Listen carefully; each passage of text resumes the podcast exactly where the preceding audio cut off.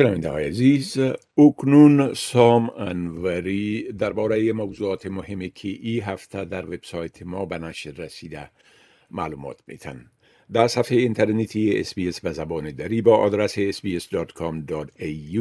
دری هر روز مطالب جالب و دانستنی درباره تازه ترین رویدادها و تحولات در بخش های اجتماعی، سیاسی، اقتصادی و فرهنگی نشر میشه. آقای انوری سلام عرض می کنم خب اولتر از همه اگر به صورت عموم بگوین که چی وقایع مهم رخ داده در این هفته که در وبسایت ما هم نشر شده. با سلام به شما و شنوندگان عزیز. خب این هفته را با خبر کشته شدن ایمن از زواهری رهبر شبکه القاعده توسط سازمان اطلاعات مرکزی آمریکا یا CIA یا سیا در کابل آغاز کردیم.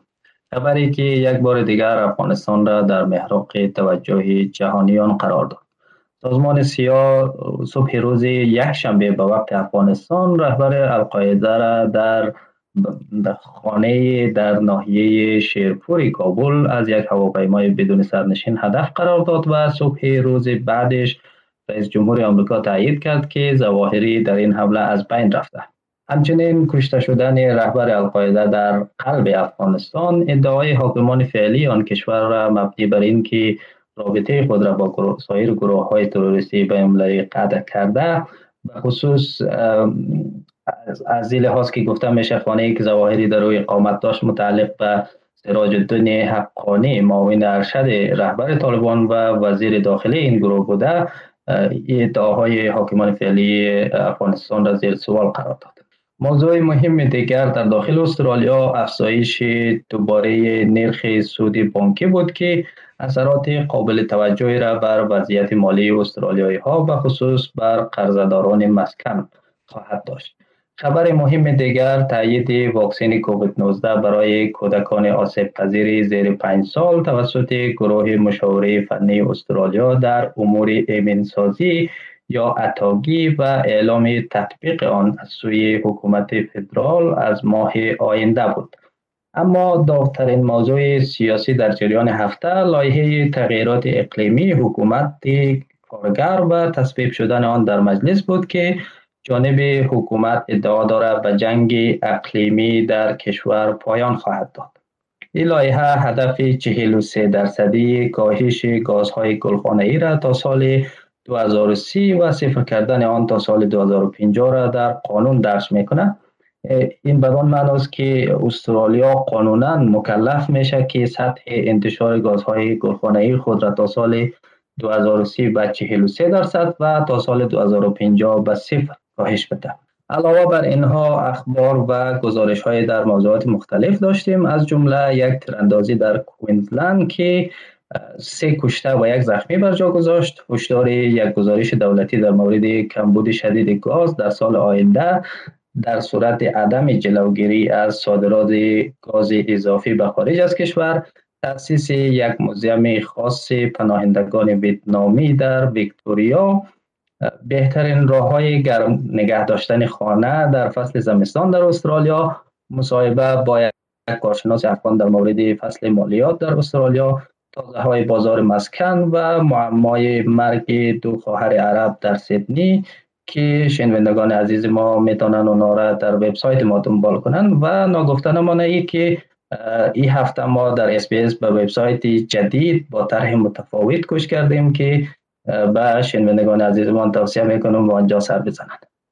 بله خب از بلند رفتن این نرخ سود برای چهارمین ماه متواتر گفتین که طبعا ای فشار بیشتری را بر قرضداران خانه خواد گذاشت میشه که در این باره یک مقدار توضیحات بتین؟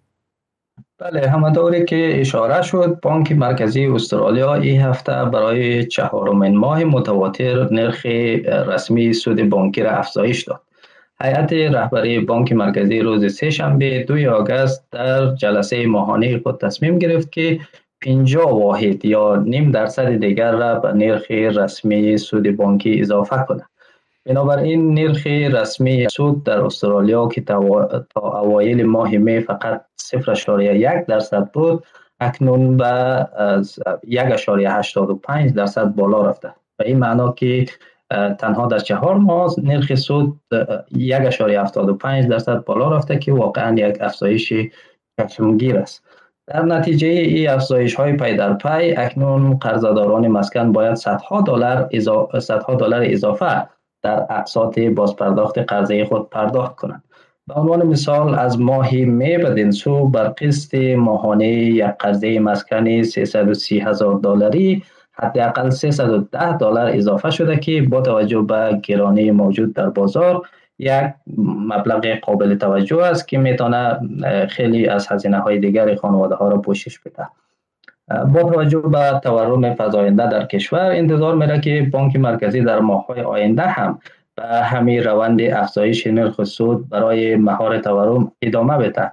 اما فیلیپ لو رئیس بانک مرکزی گفته که ممکن است هیئت مدیره در ماه آینده به نرخ سود دست نزنه و در عوض به نظارت دقیق از داده های اقتصادی اکتفا کنه بله خب از تصویب واکسین مدرن برای اطفال گفتین میشه که یک مقدار توضیحات بتین ای باره؟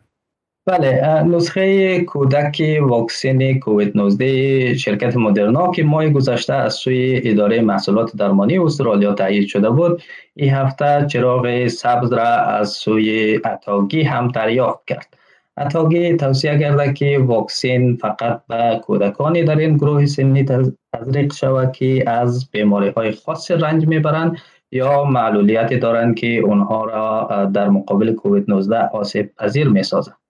حکومت استرالیا به دنبال تایید اتاگی اعلام کرد که از تاریخ پنج ماه آینده روند واکسیناسیون کودکان آسیب پذیر شش ماه تا پنج ساله در برابر کووید 19 را آغاز می کند.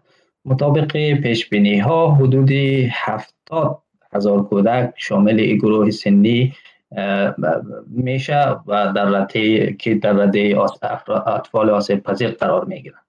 مطابق پیش ها حدود 70 هزار کودک شامل این گروه سنی در رده اطفال آسیب پذیر قرار می گیرند.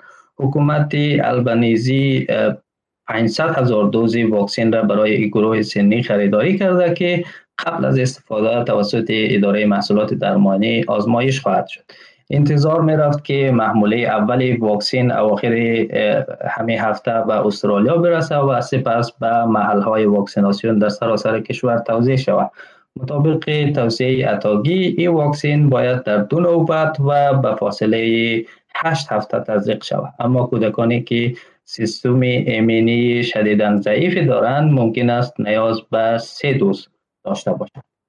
بله خب آقای انوری از این معلوماتتان تشکر و فعلا شما را به خدا می سپارم. روز خوش و آخر هفته خوش برتان آرزو می کنم. تشکر از شما. خدا نگهدار.